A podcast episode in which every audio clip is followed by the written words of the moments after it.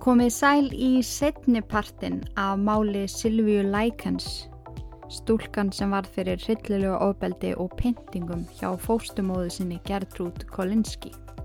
Í fyrri þætti fóru yfir það hversu opin og góðleg Gertrúd var í fyrstu þegar hún bauð Silvíu og sýstruna Jenny að búi hjá sér í nokkana mánuði og hvernig það þróast svo yfir því að Silvíu var alls ekki vissu um hversu lengi hún átt eftir að lifa lengur. Ég mælu með að þið hlustið á þátt 60 áður að þið hlustið á þennan því annars mun þessi þáttur ekki make a neitt sense. En ég held að vættum ekki að tefja þetta neitt frekar, hendum okkur af stað í mál dagsins. Ég heiti Inga Kristjáns og þið eru að hlusta á Ílverk. Setni luti mál Silvíu Lækens, gjöru þið svo vel.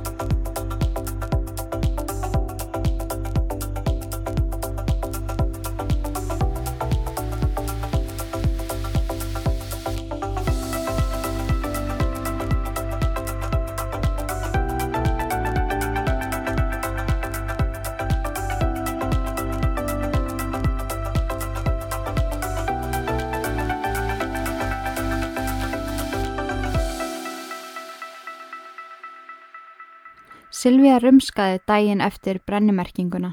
Henni sveið svo í kviðin þar sem blasti við staðhæfingin I'm a prostitute and I'm proud of it. Henni langaði einna helst að sofa áfram.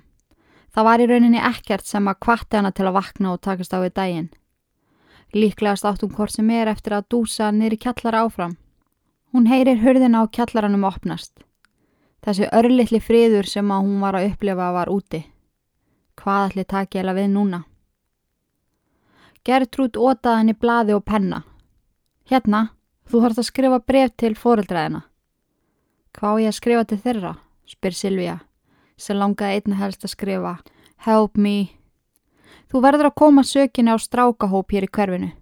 Ég get ekki tekið á mig sökina, Silvíja. Þú veist að ég gerir allt til að venda börnum mín. Allt sem ég hef gert er bara til að venda þau og þú veist það. Ég get ekki farið í fangilsi fyrir það sem hefur komið fyrir þig. Þú verður að skrifa það sem ég segi þér. Silvíu dætt ekki til hugar að það streytast á móti. Hún hafði ekki orkuna og vissi alveg að hún kemist aldrei upp með það. Þótt sársökin væri nær óyfir stíganlegur og byrjaði að skrifa. Mamma og pappi. Ég get ekki meira. Hópur stráka sem held að það var vini minnir fóru virkilega illa með mig. Ég var í sambandi með einum þeirra, kynferðislu sambandi. Þeir leittu mig á afskekt svæði og pyntu mig og drápu mig næstum. Ég get ekki lifa lengur með sjálfur mér. Ykkar Silvíja. Gertrúd var óþreyfufull. Hún reyf brefið að Silvíu þegar hún gerði sér líklega til að skrifa eitthvað væmið í endan eins og ég elski ykkur eða eitthvað í þáttana. Hún hljóp upp stegan með brefið, settist við eldúsborðið og lagði á ráðinn hvað skref var best að taka næst. Hún ákvaða best væri að fá John Sonsin sem var þarna 11 ára til að fara með hann út í skó og skilja hana þar eftir. Hún væri það veikburða að hún myndi degja innan sólarings. Hún kallaði Sonsin, náði í platta af smákökum og fóruðu saman niður í kallara. Þar leistu þau Silvíu úr fjötrónum og buði henni smákökur. Silvíu vildi þær ekki. Give them to the dogs. I don't want them. Gertrúd reyttist og tróð upp í hana smákökum. Silvíja var svo þurr í munnunum og hún átti erfitt með að breyða þær og hósta hún óstjórnlega þegar milstunar runnu óþægilega ofan í kokið. Hún skipaði sinni sínum að berja hana fyrir að vera svona dónaleg. Hann hikaði smá stund. Gerðu það sem ég segi, drengur. John kildi Silvíu í andletið, magan og í klófið.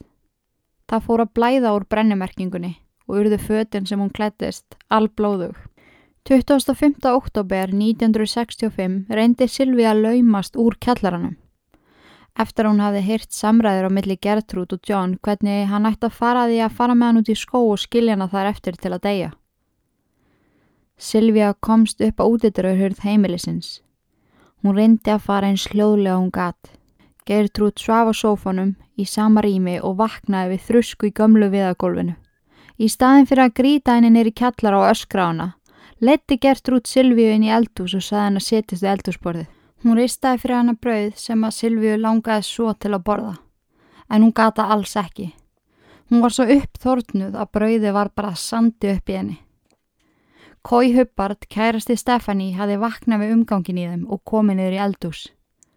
Geirtrúd sá hann um að taka niður gardínustöngina úr glukkanum og fjarlæga gardurinnar af. Hún tróð bröðsneðinni allir upp í Silvíu sem hann er köpnuð. Hún reif gardínustöngina svo afkói og byrjaði að pota eins fastung gat með uh, stöngin í andlita á Silvíu. Síðan tók kói stöngina og barði Silvíu höfiði svo hún leið út af, fjall úr stólnum á hart flísalagt golfið. Áður en Gertrúd hófst handa við að draga hann aftur niður í kjallara tók hún brauðið út úr henni sem Silvíja gati ekki með nokkru móti tukkið. Þegar Silvíja rankaði við sér átta hún sér líklegast á því hvað væri framöndan. Hún öskraði eins hátt og hún mögulega gat, barði í vekkina og vonaðist til þess að nágræðinir heyrðu í henni.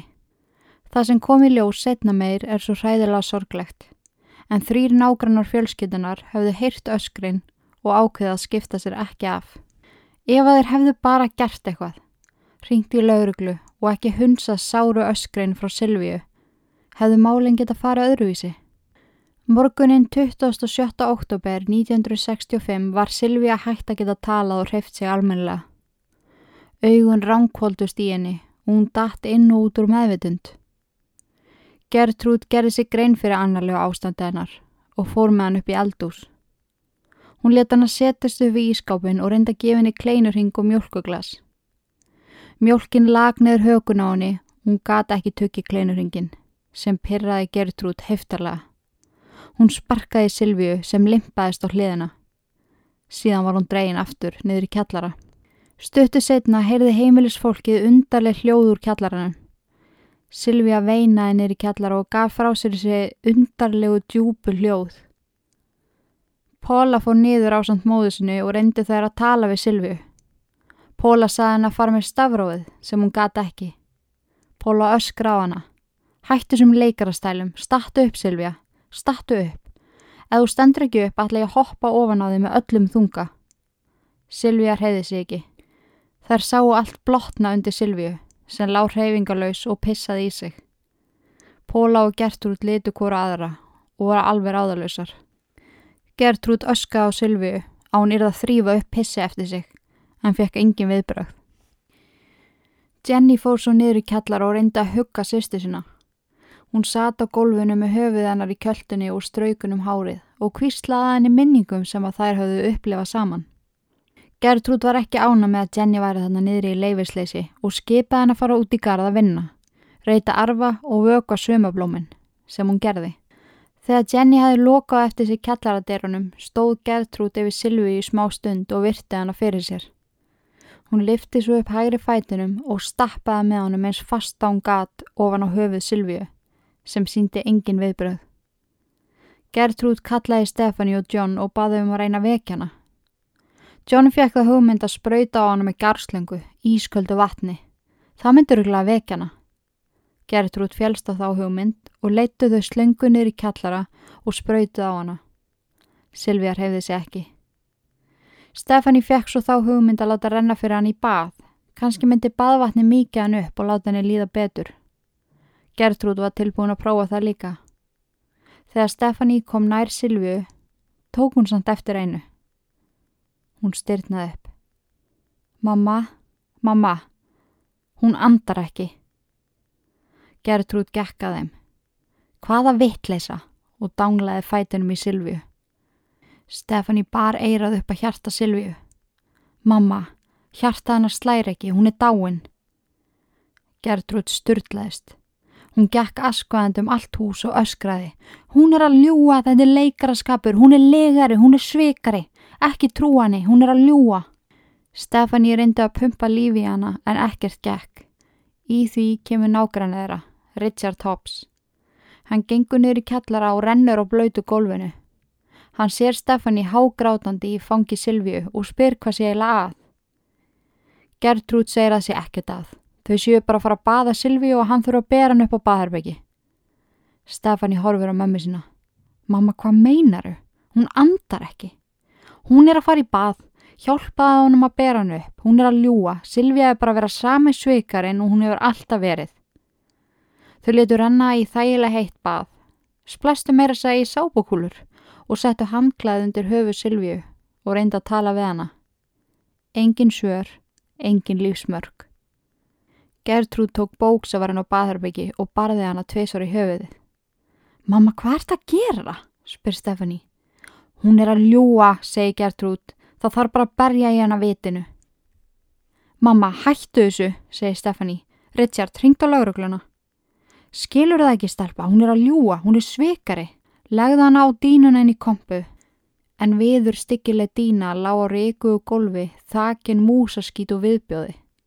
Þar fekk Silvi að leggja þar til Stefani náði því gegn að ringja í laurugluna. Þegar lauruglan mætti á svæðið kom Gertrúti dyrra, út grátin. Hún rétti lauruglu þjónunum brefið sem að hún hafi þvingað Silvíu til að skrifa deinum áður og sagði þeim að hún hafi eitt síðasta klukkutíma í að hjúgra henni. Hún hafi reynt allt sem hún gata en það var ekki nóg. Blessu stúlkan var látin. Óh, oh, elsku Silvíu, auðminga Silvíu mín. Aðkoman var hræðileg. Líka með Silvíu lá á viður styggilegu dínunni. Ítla farin, marinn, blóðug, insógin og brennimert. Hvað kom eða fyrir hérna? spurði Anna lauruglutjónin. Stefani gerði sér líklega til að svara þegar Gertrúd grýpur inni. Hún strauka heimann, setnipartin í gær. Ég var algjörlega lömu úr óta. Þegar hún kom heim, snemma í morgun, var hún svona útlítandi. Hún kom heim berbrjósta með þetta bref í höndunum og það var búið að brennumerkjaða á hana. Þið verðið að finna sökutólkana sem gerðu henni þetta. Gertrúd neyði í gólfið og virtist störtluður sorg. Póla kom róli á vettvang með biblíun að þjættaði sér. Hún horfið beint í augu Jenny sem stóð stjörf og hágrátnandi. Hún saði við hana. Ef þú vilt búa hérna áfram Jenny, þá skulum við koma fram við þig eins og okkar eigin sýstir. Þótt setningin hljómið saklaus, þá voru þúsund þýðingar á bakveðana og með því að segja þetta reyndi hún að hræða Jenny. Láta hana óttast hvað kæmi fyrir hana ef hún segði sannleikan. Þegar Jenny sá færi á að tala veit laurugluþjónuna án þess að neitt tæki eftir, kvísla á náðunum. Taktu mig með þér. Ég skal segja þér allt.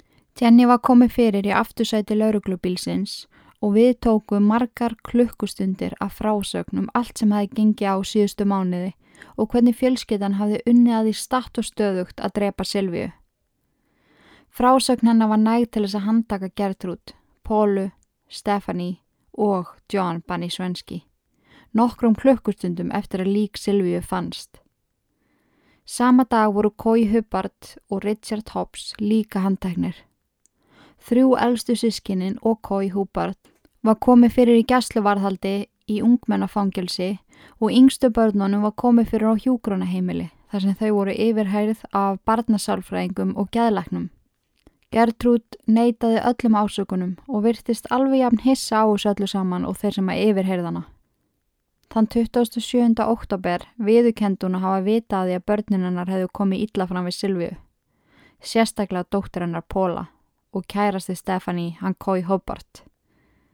Hún hafi reynd að stoppa þau en það hafi ekki gengið.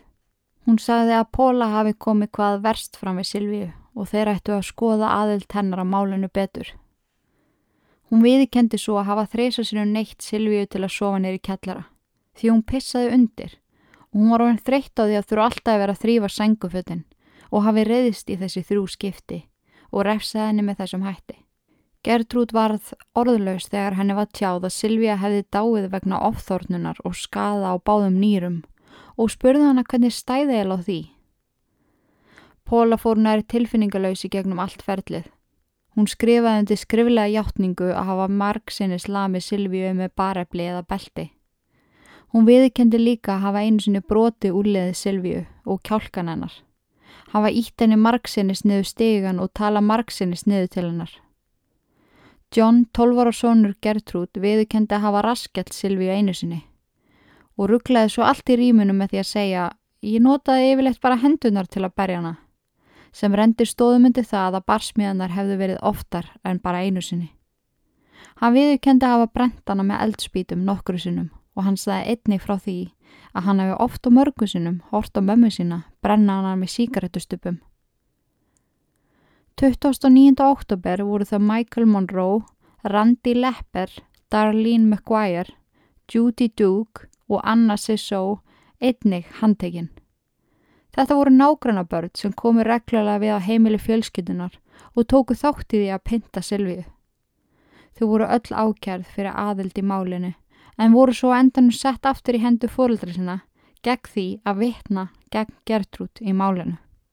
Eftir að krupningu hafði endala verið lokið komi ljós hversu hróttalegir síðustu mánuður Silvíu höfðu verið. Það fundust í heildina 150 sár yfir allan líkamænar. Mörg þeirra voru mjög ítla síkt og greru hægt og ítla. Brunasár, djúpir, blóðleipnir, marblettir, tauga og vöðvaskemdir. Leghálsennar var svo bólkin og ítla farin að hann var næru lokaður. Leið sjálft hafði einni orði fyrir miklum skada og hefði Silvi að lifað hefði hún aldrei geta gengið með börn og ef úti það er farið geta haft eðlilegan tíðaring. Neklundar hennar voru brotnar ofan í kviku. Húðin í andletinu, á brjóstkassanum og njánum var það illa farin, þurr, skemmt og síkt að það hefði aldrei gróið fyllilega. Nýrun voru bæði hægt að virka. Ofþörnun og skelvilegt sjokk og tráma var Silvíu Lækens að bana. Samkvæmt doktor Arthur Kebel sem að framkvæmdi kröpningana taldi hann Silvíja hafi verið látin í alltaf 8 klukkustundir áður hún fannst á laurugljöfuvöldum, þar sem líkaminnar var orðin verulega stífur og kaldur. Jarðafur Silvíu Lækens var haldin í Russell og Hitts jarðafaraheimilinu í Lebanon þann 29. oktober 1965. Fallega fölgráa líkistanennar stóð opinn og gáðu þeir sem mættu kvartana í hinsta sinn Við hliðin á kistunni var stór svartkvitt mynd sem hafi verið tekin af henni sama ár. Viku áður en hún flutti inn til banni senski fjölskytunar. Yfir hundra einstaklingar komu og vottuðu sína samúð.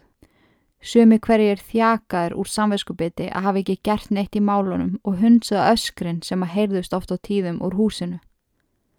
Sera Gibson áarpaði. Við höfum tíma sem líður hratt. En við þurfum ekki að þjást eins og litla sýstur okkar þurfti að þjást síðustu mánu að lífi sínu. Hún er farin að eilífu og við munum minnast hennar. Hún var grafin í Oak-Hill kirkjugarðinum í Lebanon og ég er að segja ykkur það að eitthvað tíman muni heimsækja hennan kirkjugarð og setja blóm á leiðið hennar. Ég ætla ángurins að setja þetta á bucketlista minn. Á leggsteinin var ritað Our Darling Daughter Sylvia. En áður við höldum áfram þá langar við að taka nokkra mínútur í að segja ykkur aðeins frá illverk.is.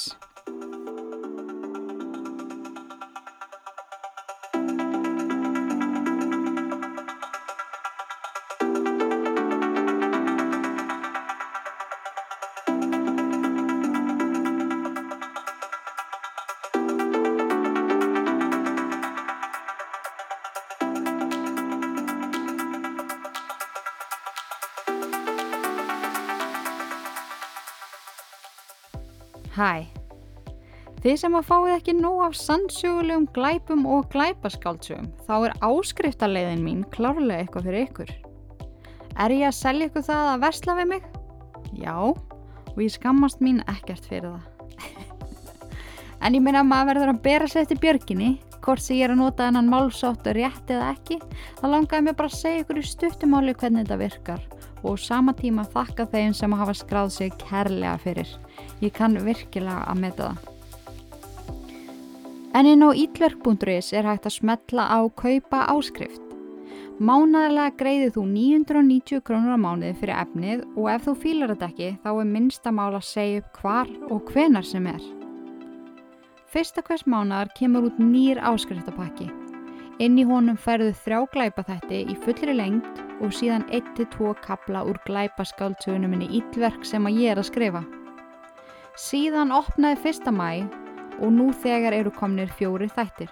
Þannig segjum á skráirði 1. júni þá færðu alla mæ þættina og júni þættina. Og segjum og skráir þið eftir ár, þá verða allir þættirnir ennþá þarna. Þannig að þeir hverfa ekki. Í áskrifstapökkunum leggji meiri metnaði að gera söguna ennþá raunverulegri fyrir hlustandan með hljóðeffektum og fleiri smáatriðum. Ég get allan að sagt ykkur að ég legg alla minn metnað í þetta og ég hef virkilega gaman að því að sjá hvað þið takið vel í þetta. En ekki hikaði að senda mig skilaboð inn á ítverk.is ef það er eitthvað sem að ég get aðstóða ykkur með. Komdu í áskrift kæri hlustandi, gerðu vel við þig. Takk og bless.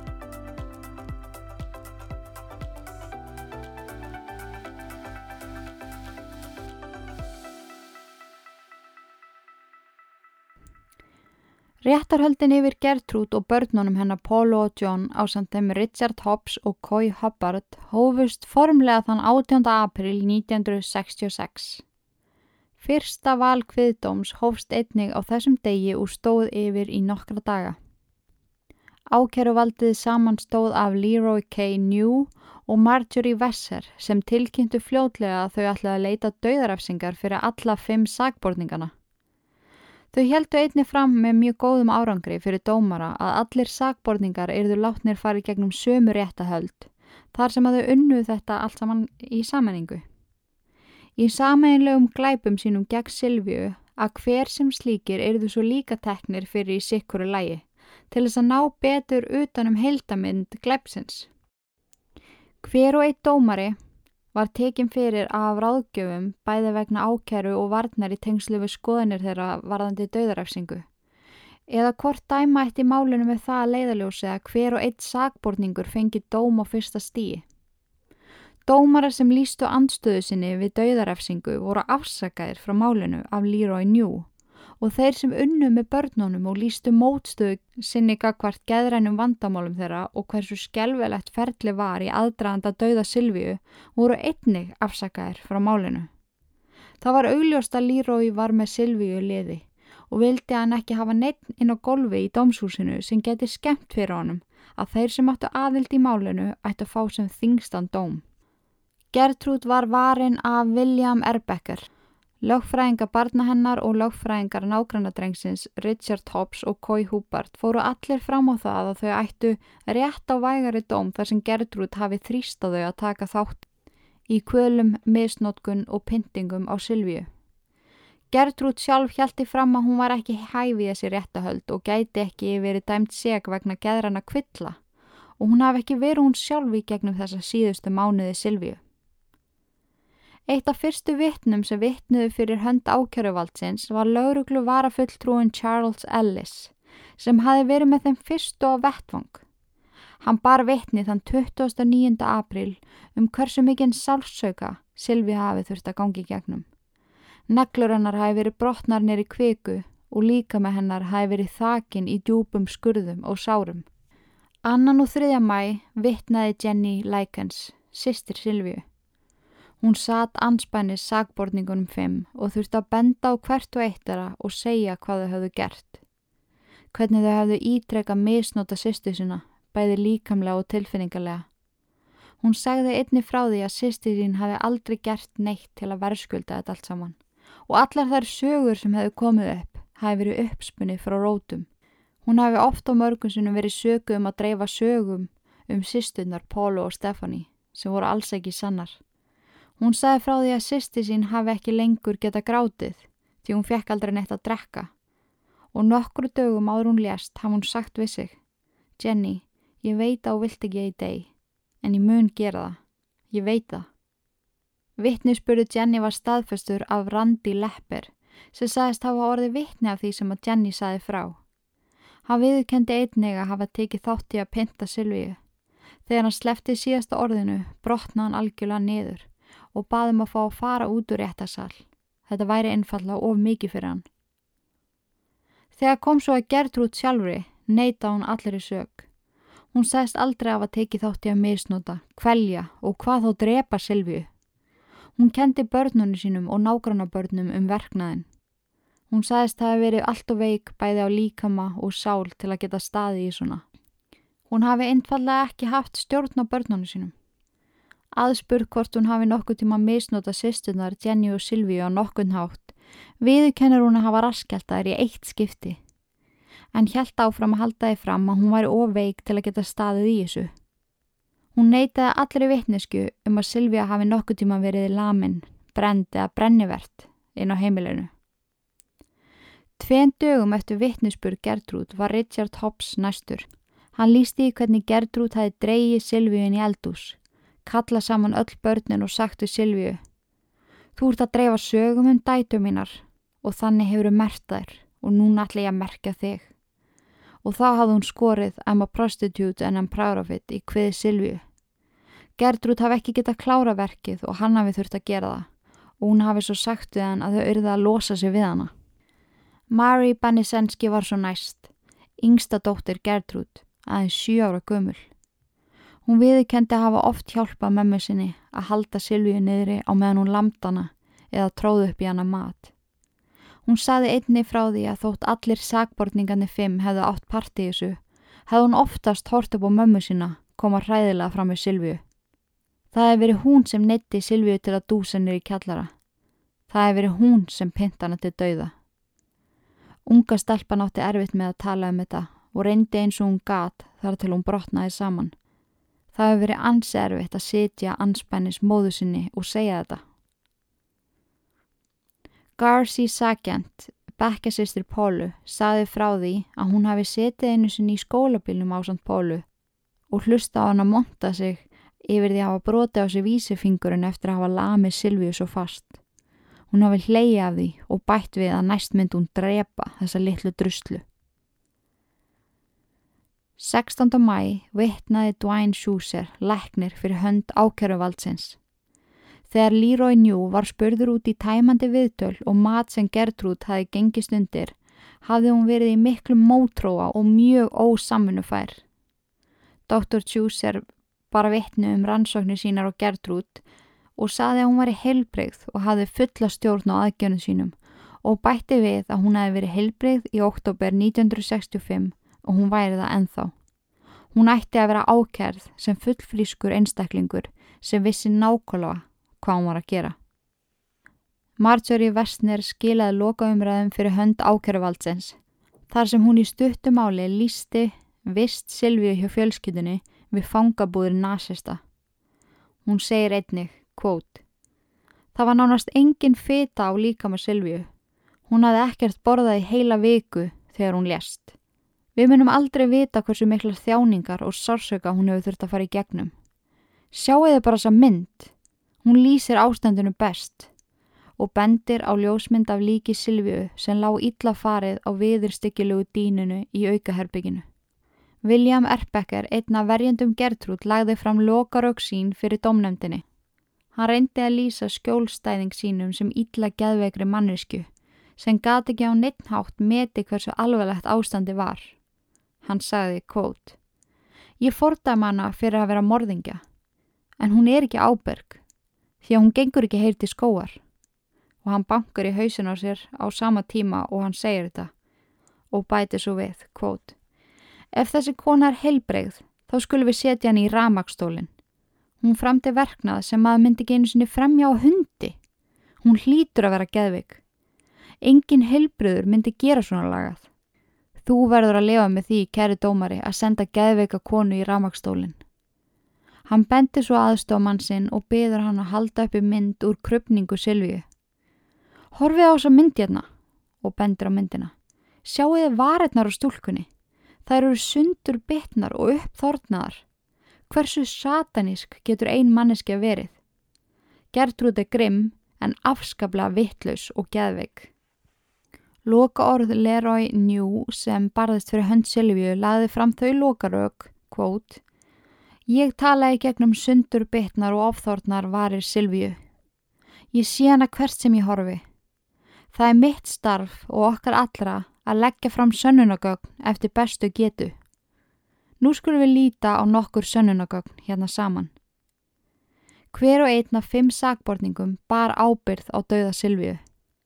Þau hafa öll reynd að beina ábyrðina að hvort öðru, en sannleikurinn er sá að þau bera öll ábyrð. Silvíu treysti þessu fólki. Hún hafði aldrei upplefað ílsku, en þarna fekk hún að kynast henni. Ég tek undir orð Marjorie. Heimili banni senski fjölskytunar voru eins og fangabúðin nazista. Lírói laugur lokarökum sínum með því að leggja áherslu á samstöðu sakborninga í sameinleiri mistyrfingu og Silvíu. Hann bað svo domnemdina hætta að imblíma á hver gerði útslæð, hver tók síðasta skrefið að dauða Silvíu. Heldur baðan þau að horfa á heldamindina. Hvert einasta sár, skurður, mar og skemdir að líkama stúlkunar urða henn að bana. Í hver skipti sem einhver meittana, dó hún innra með sér. Þetta er það viðbjörslegasta sem ég nokkuð tíman séð og ég raun með því viðbjörslegasta sem heimurinn hefur séð og ég vona við þurfum aldrei að sjá svona framar. Málið snýst ekki lengur um ramagstólinn, heldur að breyta rétt. Þetta fólk minn hafa blóð Silvi á höndum sér að eilifu og við þurfum að gera þeim grein fyrir því í eitt skipti fyrir öll, kæri dómari. Réttahöldin stóði yfir í um 17 daga þar til komist var að niðurstöðu 19. mæi 1966. Eftir að seti í 8 klukkustundir fann kviðdómur sem að innihjalt 8 karla og 4 konur Gertrúd Bannisenski seka um fyrstastegs morð og var hún dæmt í fangelsi til lífstíðar. Paula Bannisenski var fundin segum annarstegsmorð. Hobbs og Hubert á St. John Bannisenski voru fundin segir um mandráp. Þegar dómurum var kveðin, greiðt öll fjölskyttan og hugguðu hvort annað. Í september 1970 snýrist hæstiréttur Indiana aftur að þeirri sannfæringu að Gertrúd og Póla hafi ekki fengið sangjörn réttahöld. Eftir ítalega skoðun á handreiti réttahaldana kemur fram að dómarinn Sol Ísak Rapp hafi ítrekka lagt fram tilugur frá verjundum sínum við upphafleg réttahöld og hafi þannig blanda sér á óveðandi hátt í málið, sem sé ekki verið hlutlaus. Andrumsloft í réttasal hafi verið fordómafullt og skapaði þannig mikla umfjöllun fréttameila í kringum málið og þannig hafi hugur kviðdóms mögulega letast farið var fram á önnu réttahöld fyrir maðgunar. Setni réttahöldin fóru fram árið 1971 og í þetta skipti játaði Póla segt sína sem létti verulega á domnum. Hún var á endanum dænt fyrir mandráp. Fangelsi stómur hennar er þá bylunu 2-20 ár. Henni var sleft úr fangelsi tveim árum setna. Gertrúd fekk aftur sama dóm í setni réttahöldum og var dæmt fyrir fyrstastegs morð. Í fangelsinu var Gertrúd alveg til fyrirmyndar og var líst sem þessari móðurlegu og góðu konu. Hún saumaði mikið og tóka sér ímissu verki í fangelsinu. Yngri fangar leituðu til hennar og marga hverja kölluð hana mömmu. Árið 1985 þegar að koma reynslulaust Gertrúd hafði hún breytt nafni sínu yfir í Nadine van Fossan og lísti sér sem sterklega guðrækni konu. Þegar það frettist í Indiana að Gertrúd yrði mögulega frjálskona, vakna upp mikil reyði. Öll börnin hennar mótmæltu því að hún yrði látin laus og hópuði sér saman aðilar og heldu mótmálagöngu gegn frelsi hennar. Á tvei mánuðum söpnuðu mótmálahópanir 40.000 undirskriftum frá borgurum Indiana og kröfðust þeir sem skrifuð undir að Gertrúd yrði vistuð í fangelsi þar til hún tæki sinn síðasta andadrátt. Gertrúd segir sjálf, kvót. Ég vildi geti tekið þetta allt tilbaka. Hún hjælti alltaf fram að hún hefði ekki tekið þátt í þessu og fullvirti að hún væri ekki alveg viss um hvaða hlutverki hún hefði gengt á síðustu mánuðum Silvíu. Ég þekkt hann aldrei neitt, raunverulega. Ég var alltaf uppdópið á þessum tíma. En ég tek fulla ábyrð á því sem kom fyrir Silvíu. Hvað sem það nú var.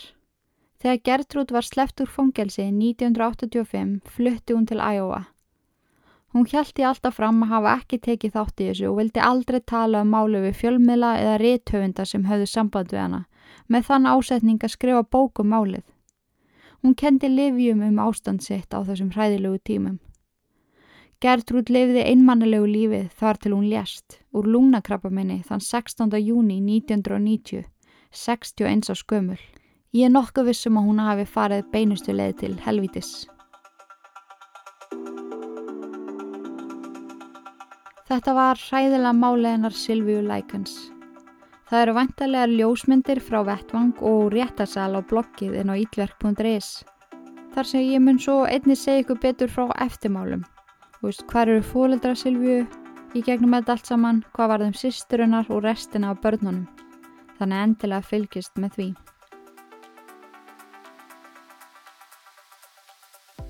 En þanga til næst, takk fyrir að hlusta, takk fyrir að vera til og í guðana bænum forðist öll ítlverk. Nema þetta podcast. Verið sæl.